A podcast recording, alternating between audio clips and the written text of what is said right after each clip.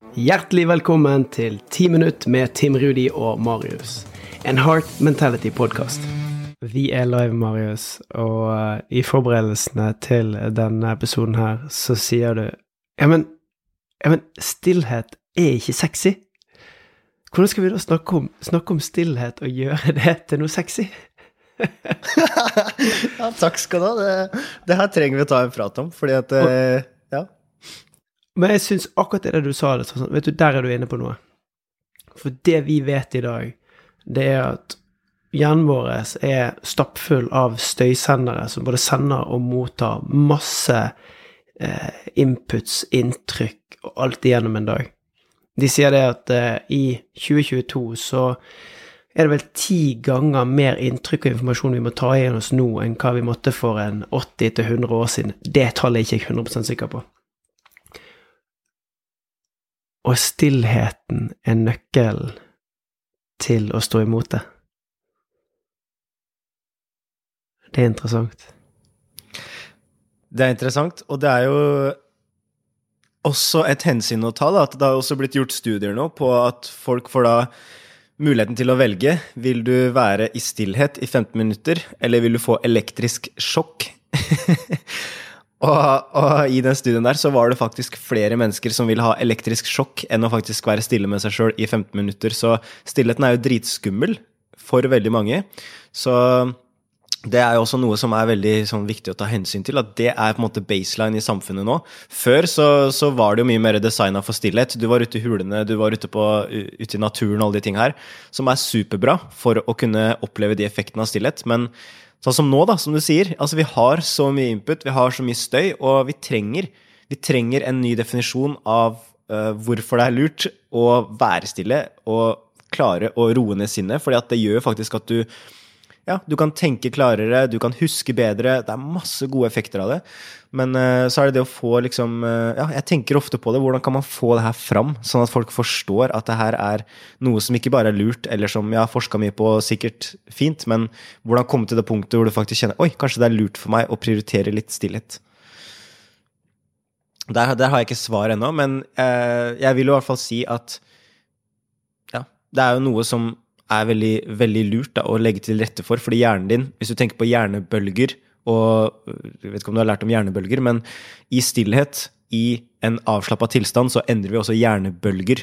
Eh, og det gjør jo at man kan enklere komme inn i flow. Man kan eh, lettere bli engasjert i noe. Man kan enklere få mer innsikt og faktisk eh, finne ut av hva som rører seg inn i topplokken når vi roer ned og er litt mer stille. Så det er jo en, en, en, superkraft på veldig mange måter. Det er bare det at det er dumt at det er en superkraft som ofte er en kryptonitt i det samme. Jeg har ikke lyst til å nære det av det.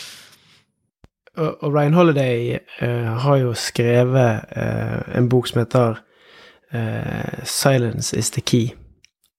Stillness is the key, mener jeg. Beklager. Og i introen til den boken Det her, det her syns jeg var kjempeinteressant når jeg leste den første gangen. I introen til den boken så beskriver han et bymiljø preget av mye støy, mye dyr, mye fullskap. Og da er vi altså 2000 år tilbake i tid, i, i Roma. Og, og Marcus Aurelius sitter på, på, på rommet sitt og forsøker å konsentrere seg mens han skriver. Det, når jeg leste det, så tenkte jeg det er utrolig interessant å gjøre oss bevisst på at det har alltid vært støy rundt oss. Selvfølgelig så er det mer i dag enn kanskje hva det var da, men vi har alltid kjempet mot støyen for å finne stillhet.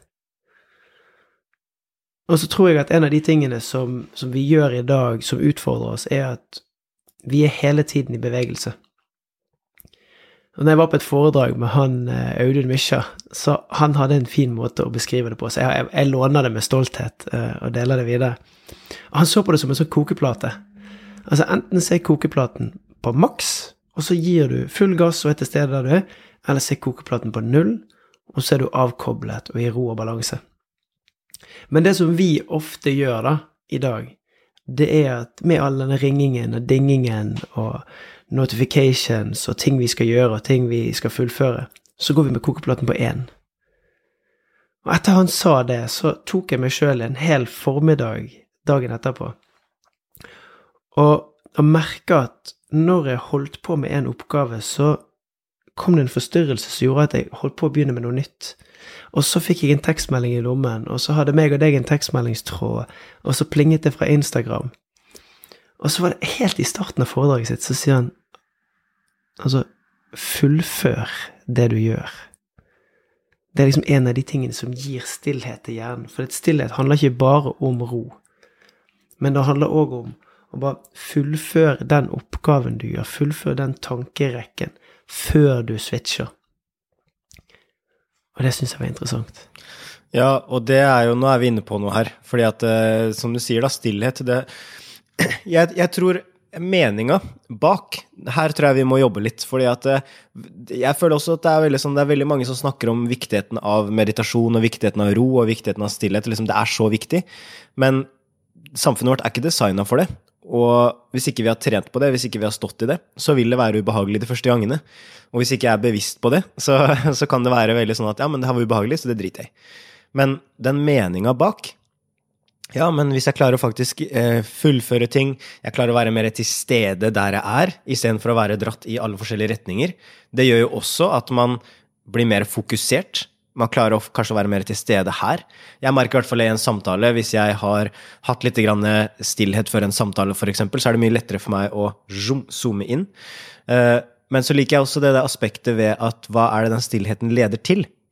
Og den stillheten leder jo faktisk til den innsikten og til mer ro og alle de tinga her, men jeg liker det i kontekst med at du kan faktisk være mer av en person som du faktisk ønsker å være, da. Jeg snakka med mange som har hatt lyst til å være mer til stede med mennesker som de er sammen med, som de bryr seg om, og ikke bare snakke med seg sjøl når de egentlig snakker med andre. Da bli bevisst på det. Da trenger man faktisk litt stillhet. For hvis man ikke reflekterer over det i det hele tatt, så vil man mest sannsynligvis bare fortsette.